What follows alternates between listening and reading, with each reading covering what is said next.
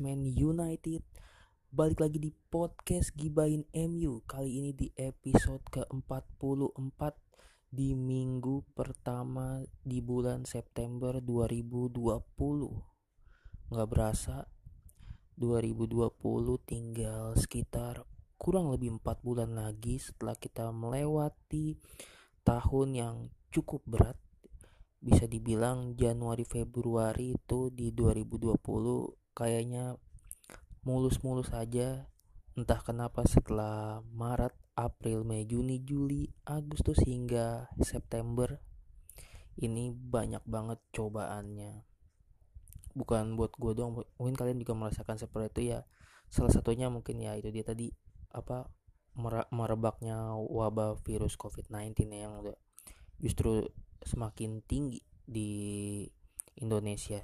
Kalau apa hmm, yang positifnya.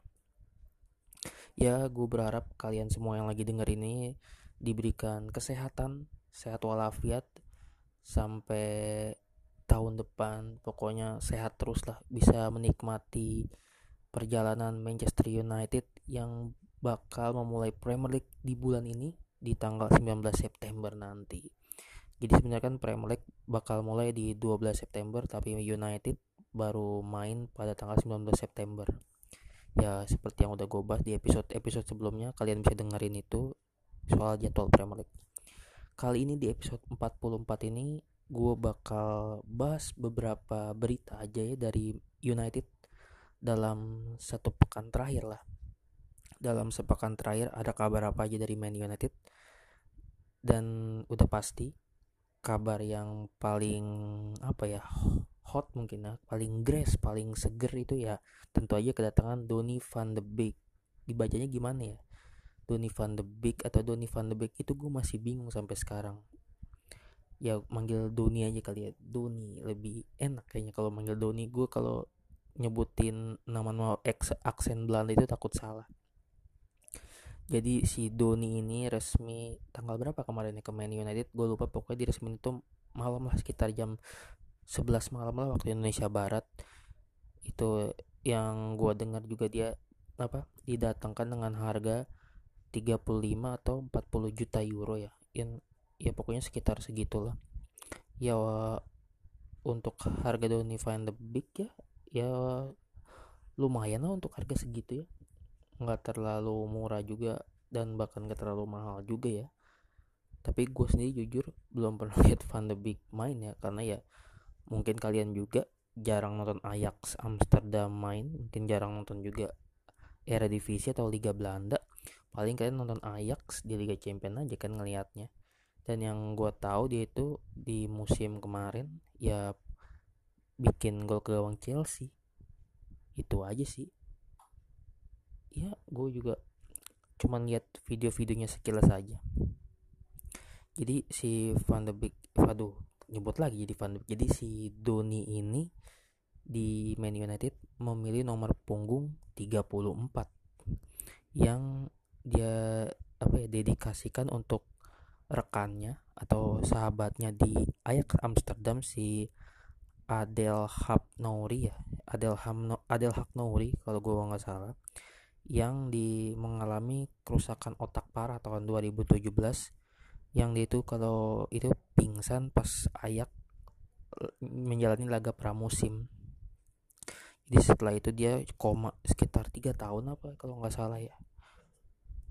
Ya pokoknya si Nauri ini koma sekitar tiga tahun. Lalu sekarang udah sadar tapi yang gue baca di beberapa artikel dia belum bisa bicara ya kalau gue nggak salah cuma bisa menggerakkan alis dan menggerakkan bibir atau gimana deh gue juga nggak begitu paham lah yang gue baca di artikel kayak gitu. Jadi si Doni ini pakai nomor 34 ya untuk mendedikasikan untuk apa ya ya pokoknya itulah mendedikasikan ke si Nori ini. Banyak kok uh, apa ya jebolan pemain-pemain Ajax yang pakai nomor 34 ketika di klub barunya. Ya salah satunya tuh di si anaknya Patrick Kluivert siapa gue lupa namanya tuh. Pokoknya dia juga pakai nomor 34 pokoknya ada sekitar 4 atau 5 pemain deh yang pakai nomor 34 dan mereka adalah lulusannya akademinya Ajax Amsterdam. Dan mendedikasikan apa nomor punggung 34 itu untuk Nori.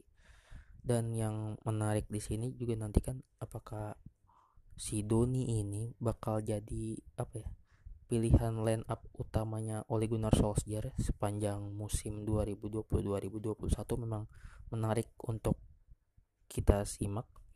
Banyak yang bilang pandit-pandit atau pengamat sepak bola lain yang bilang kalau kalau Van de Van de Beek tuh ngomong Van de Beek lagi di kalau si Doni mau main bareng Bruno dan Pogba ini mungkin Man United bakal pakai formasi 4-4-2 Diamond ya mungkin di depannya Rashford sama Martial ya. Lalu di belakangnya Rashford Martial ada Bruno Fernandes tentu tentu saja. Terus di tengah ada Pogba sama Doni dan tentu aja Nemanja Matic yang bakal seperti biasa ya menjadi penyeimbang lini tengah untuk Man United.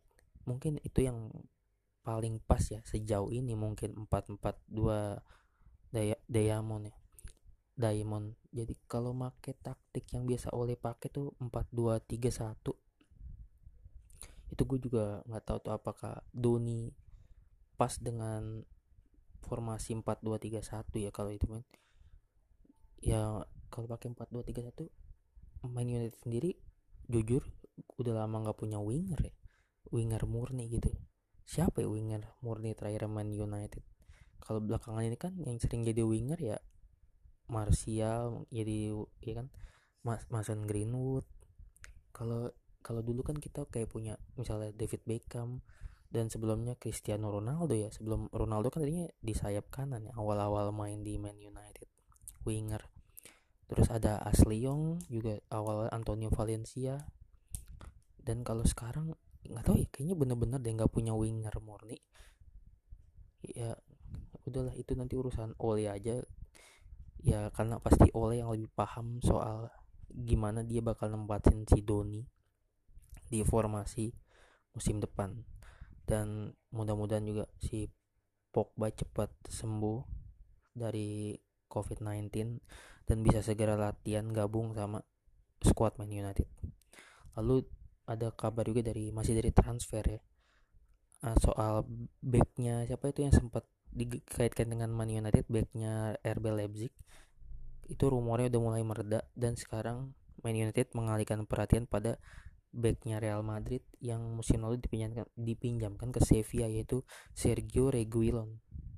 Nah ini dia ini jebolan Real Madrid Castilla ya jadi kayaknya dia musim untuk musim ini nih 2020 2021 nggak bisa bersaing di Real Madrid nggak dapat tempat lah di skuadnya Zinedine Zidane dan ada kemungkinan Madrid bakal menjualnya ke Man United. Karena sejauh ini yang minat yang gue baca itu yang minat ada Man United sama klub yang kemarin minjem dia Sevilla. Tapi kalau Sevilla itu maunya tetap minjem dia. Sementara Man United mau beli dan kalau nggak salah udah ngajuin tawaran sekitar 25 juta euro. Dan si Reguilon ini posisinya itu kan fullback kiri. B fullback kiri ya lu mungkin pada tahu sendiri ya kalau fullback kiri Man United musim kemarin kan sering diisinya sama Brandon Williams ya. Eh, karena si Luke Shaw juga musim kemarin juga cukup banyak lah dia ngalamin cedera ya. Jadi ya kalau Sergio Reguilon datang ini ya setidaknya memang apa ya beras mau apa ya demi kedalaman squad lah. Balik lagi gue ngomongin kedalaman squad penting banget karena musim depan kan main di empat kompetisi ya mudah-mudahan bisa secepatnya direalisasikan transfer ini karena meskipun tenggat transfer di Premier League itu masih 3 Oktober tapi Premier League akan mulai beberapa hari ke depan atau sekitar semingguan lagi lah. Meskipun Man United baru main dua minggu lagi ya tapi ya biar apa ya namanya cepat adaptasi lah biar cepat ketemu pakem formasinya. Lalu dari kabar transfer sekarang kita beralih ke apa ya uh, ini UEFA Nation League uh, di mana kalau lo nonton jujur gue cuma nonton cuplikannya waktu Jerman lawan Spanyol di UEFA Nation League grup A di kalau nggak salah itu main imbang satu-satu ya jadi sorotan di situ adalah De Gea bikin tujuh penyelamatan penting buat timnas Spanyol. Wih, gila ini kayaknya apa ya? De Gea nunjukin kalau dia belum habis loh. Dia adalah tetap the number one keeper Manchester United. Ini gue suka banget nih kalau udah kayak gini. Persaingan dengan Dean Henderson bakal jadi semakin sengit ya persaingan sehat. Tapi gue yakin De Gea bakal tetap jadi kiper andalan Man United musim ini ya pokoknya gue ngeliat cuplikan-cuplikannya di YouTube penyelamatan penyelamatan De Gea di laga lawan Jerman ya. Ya ini dia De Gea yang apa ya selama ini apa sih udah jarang terlihat lah meskipun memang sempat lah dia menyelamatkan beberapa apa bikin save di beberapa match. Tapi kan dua musim terakhir atau tepatnya musim lalu ya itu lebih banyak yang dieksplor kan blundernya dia. Ya lo inget lah pas semifinal FA Cup lawan Chelsea lalu terus yang paling diingat juga pas lawan kalah 2-0 lawan Watford itu blundernya parah banget. Jadi ini sangat menarik gimana ngelihat persaingan De Gea karena De Gea apa ya kayak nunjukin kalau gua nih masih kiper nomor satu loh. Ya ini bakal seru banget sih. Lalu kita bahas soal jersey deh. Setelah membahas De Gea soal jersey lu pasti udah pada lihat kalau entah itu di media sosial Twitter, Facebook atau Instagram, IG ya. Itu lo lihat jersey ketiganya Man United musim ini. Kan lo pasti lihat tuh musim yang itu yang home terus sama jersey away-nya kan home udah pasti merah, away-nya hitam. Dan jersey ketiganya bocoran ini masih bocoran kan belum official dan jersey ketiganya itu udah kayak zebra lo lihat deh pasti lo udah lihat gue yakin lo yang dengerin itu pada ngeliat jersey-nya itu mirip motif zebra. Lo tahu kan kuda zebra gitu terus apa ya hitam putih gitu. Lah kalau garisnya juga nggak menentu loh. Mungkin kalau Juventus kan garisnya ke bawah gitu ya. Apa nak ya seperti ciri khas dia lah. Ini kali ini tuh garisnya nggak menentu. Lo pusing lo kalau ngeliat lo ngeliat foto jersey itu lama-lama lu pasti bakal pusing puyeng ngeliatnya gitu ngeliat dan apakah ini bakal berpengaruh di lapangan ya buat lawannya gitu. Misalkan nih Man United bak ketemu Liverpool ya kan mainnya di Anfield. Otomatis United kan pasti pakai baju away dong bukan pakai home. Nah itu dia apakah United bakal pakai jersey yang hitam atau yang jersey ketiga nih yang hitam putih ini? Apa iya nanti pemain-pemain Liverpool bakal pusing lihat pemain Man United dengan motif jersey yang kayak gitu ya itu gue jujur ya kalau PC itu jersey bener-bener aneh. Bahkan banyak yang dari fans lain tuh banyak yang ngejek soal jersey tiga ini. Dari Indonesia sendiri fansnya banyak yang bilang kalau ini mirip motif apa ya kaos napi kaos narapidana. Dan ya memang buat gue sendiri motifnya jujur ini aneh. Gue nggak tahu apa Adidas niat atau enggak bikin jersey buat Man United musim ini. Coba lo lihat di jerseynya Arsenal yang home itu keren banget musim ini ya. Terus jersey away-nya juga keren banget yang putih yang kemarin pas dia menang Community Shield kalau kalian sempat lihat. Sementara jersey Man United ini yang ketiga ini masih emang sih cuman jersey ketiga. Dan mungkin paling cuma di beberapa kali dipakai nantinya di musim ini ya tapi tetap aja desainnya tuh aduh. Dan lo lihat perpaduan kalau lo lihat fotonya tuh perpaduan jersey sama celananya itu benar-benar hitam putih begitu. Gue aja pusing ngelihatnya loh. Apalagi nanti kita kalau nonton di lapangan ya gue lagi membayangkan kalau itu benar-benar dirilis secara ofisial. Waduh gila sih itu. Bener-bener aneh tapi katanya banyak yang bilang juga nih kalau jersey jersey Man United yang unik biasanya membawa hoki. Katanya sebagian fans bilang gitu.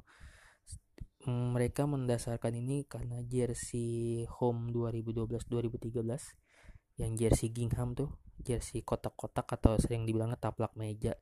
Itu katanya kan bawa hoki karena permainan Man United di musim tersebut sebenarnya nggak bagus. Apa bisa dibilang banyak hokinya gitu. Jadi banyak yang bilang jersey itu bawa hoki di jersey musim terakhirnya si Ralek ya. Karena kalau lo ingat di musim itu kan juga MU permainannya nggak bagus-bagus amat ya bahkan beberapa kali ketinggalan meskipun akhirnya bisa comeback. Mungkin lo kalau ingat di pas Boxing Day lawan Newcastle United itu kan sempat ketinggalan akhirnya berbalik menang 4-3 lo kalau mau dengerin full musim 2012 2013 udah gua bahas ada di episode ke-21 lo cek aja.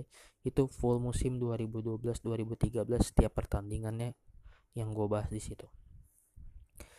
Nah ya itulah dia. Gua nggak kebayang sih kalau jersey itu benar-benar dirilis di official secara official nanti terus dipakai sama pemain. Aneh banget lo kelihatannya. Lo kalau lihat pasti ya iyalah gila sih emang nggak ngerti lah Adidas bagaimana padahal jersey kiper Man United musim ini nih bagus cukup bagus-bagus loh. Yang home itu kan yang hitam gitu yang garis-garis di samping rusuk itu kayak apa tuh? Ormas PP mirip sama jersey trade-nya Juventus yang oranye hitam juga warnanya. Cuman kalau United ini warna dasarnya hitam hanya di bagian apa ya? Di bagian sampingnya aja sih yang motif-motif oranye gitu lalu ada jersey warna kuning juga kipernya. Dilapisin warna biru. Itu dipakai Sergio Romero. Pas lawan apa ya di Europa League gue lupa. Terus nggak lama David De Gea juga pakai itu. Tapi eh bukan De, Gea itu pakai yang oranye. Jadi jersey tiga kiper Man United buat musim ini tuh udah dipakai sama Romero di Europa League. Terus De Gea di Europa League juga sama Dean Henderson pas dia apa foto perpanjangan kontrak dia tuh. Itu yang apa jersey kiper Man United. Jadi menarik sih nanti gue penasaran juga gimana kalau nanti dipakai di lapangan bentuknya gimana. Dan kita nih sebagai penonton layar kaca bakal ngeliatnya pusing atau enggak yang ngeliat jersey kayak gitu? Aduh emang Adidas ada ada aja. Dan soal jersey terus ada kabar juga dari Mason Greenwood yang dini hari tadi eh dini hari tadi tadi malam ya. Itu baru melakukan debutnya bersama timnas Inggris dan timnas Inggris menang 1-0 atas Islandia di UEFA National League Nation League. Gue tuh nggak nonton juga pertandingannya karena males lah nonton nonton negara-negara kayak gitu. Apa ya nggak nggak seru lah. UNL itu UEFA Nasional itu buat gue nggak seru lah.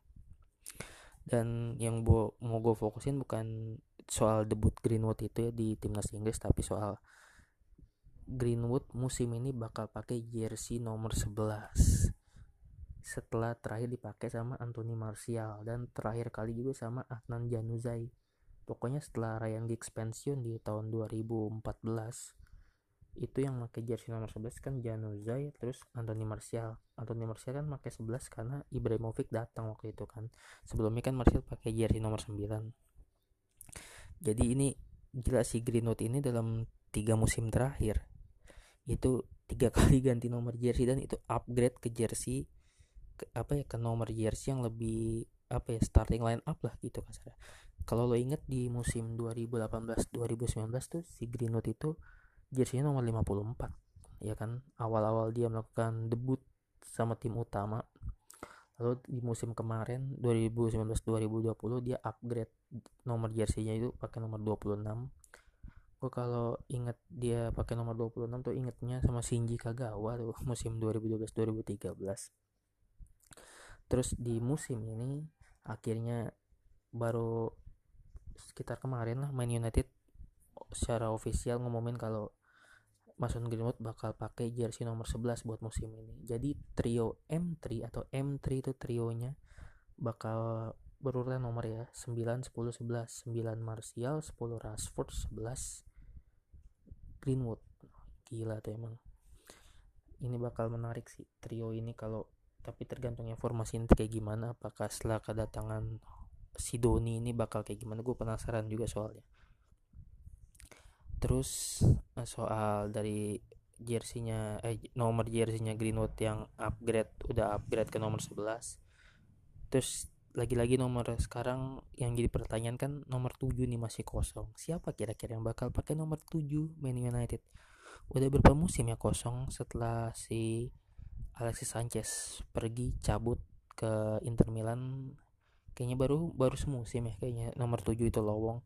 Nah ngomong-ngomong soal Sanchez soal Alexis Sanchez ini ada kabar kurang apa ya mengenakan dan yang bikin fans Man United apa ya kebakaran juga atau kesel lah atau marah-marah dengar statement Alexis Sanchez di pas dia live Instagram.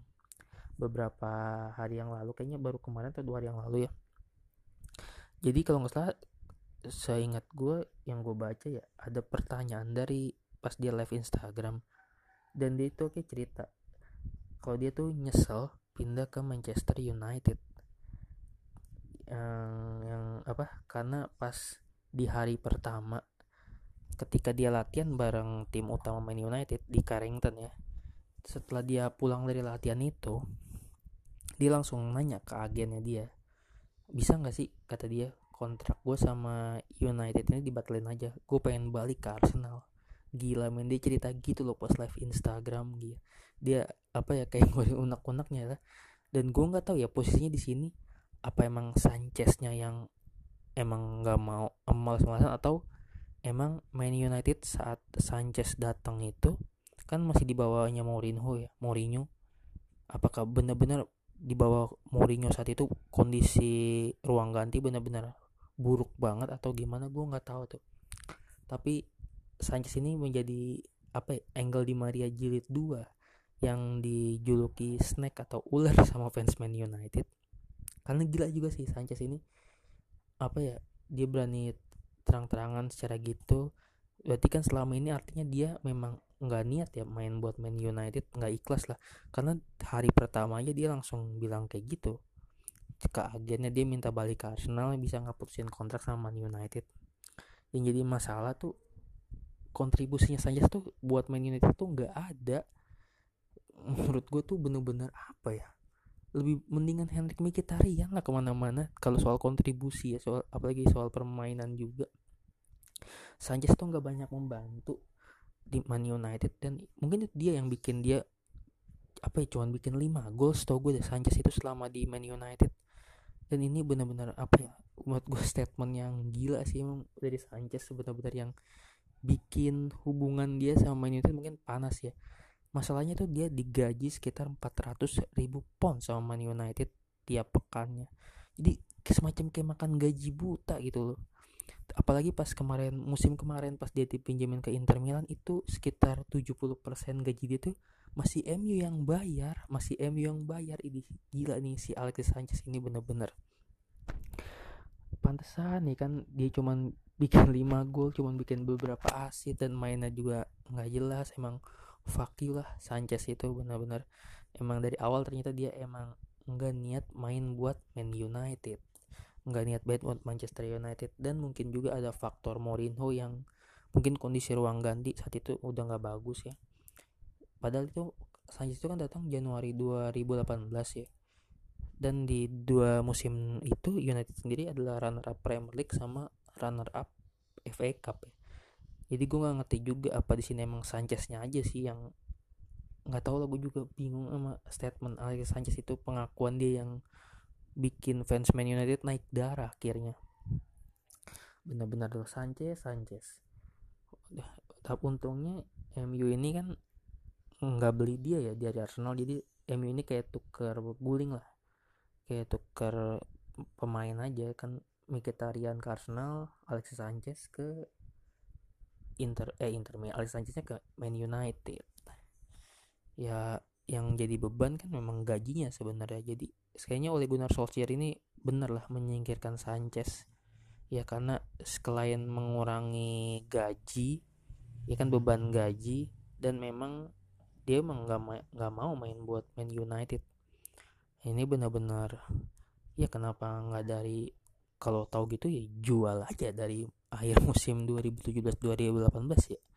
Karena gila lu gaji dia tuh gede banget 400 ribu pounds tau gue dia main gaji termahal ya di MU itu 400 ribu pounds per pekan. Untungnya didapetinnya secara gratis ya tuker guling sama Henrik Mkhitaryan. Dan sekarang di jadi lucu nih menurut gue ketika Mkhitaryan sama Alexis Sanchez ini kan kayak semacam jadi kayak korban mungkin ya. Pertukaran pemain gitu antar kedua klub. Dan sekarang dua-duanya sama-sama apa ya dilepas secara gratis loh sama klubnya. Sanchez itu dilepas secara gratis sama Man United Hendrik Mkhitaryan pun juga gitu dilepas sama Arsenal ke AS Roma secara gratis juga. Memang udah nasib mereka berdua lah kayak gitu tapi gue jujur agak kesel ya sama si Alexis Sanchez ini dengan pengakuan dia yang kayak gitu. Ya tau gitu lo apa ya nggak usah main di MU lah kalau gitu main piano aja lah nggak usah lo jadi pemain bola lah kalau emang udah nggak niat main di MU tadinya. Ya udahlah segitu aja dari gua di episode ke-44 ini. Terima kasih yang udah ngedengerin cuap-cuap gua. Ya dan terima kasih juga yang kemarin udah dengerin di episode sebelumnya episode ke-43 itu yang denger lumayan banyak banget.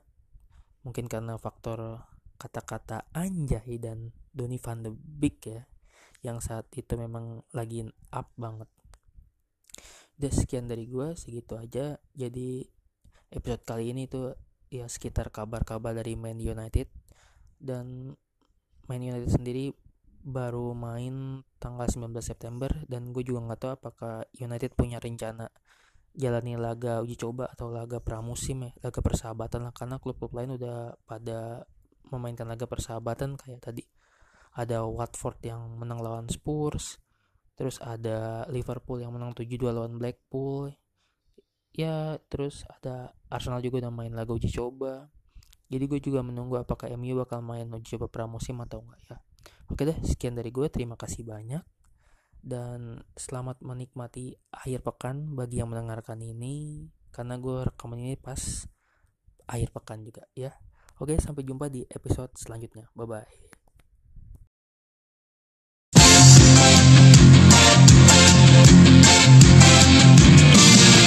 Setiap saat bayang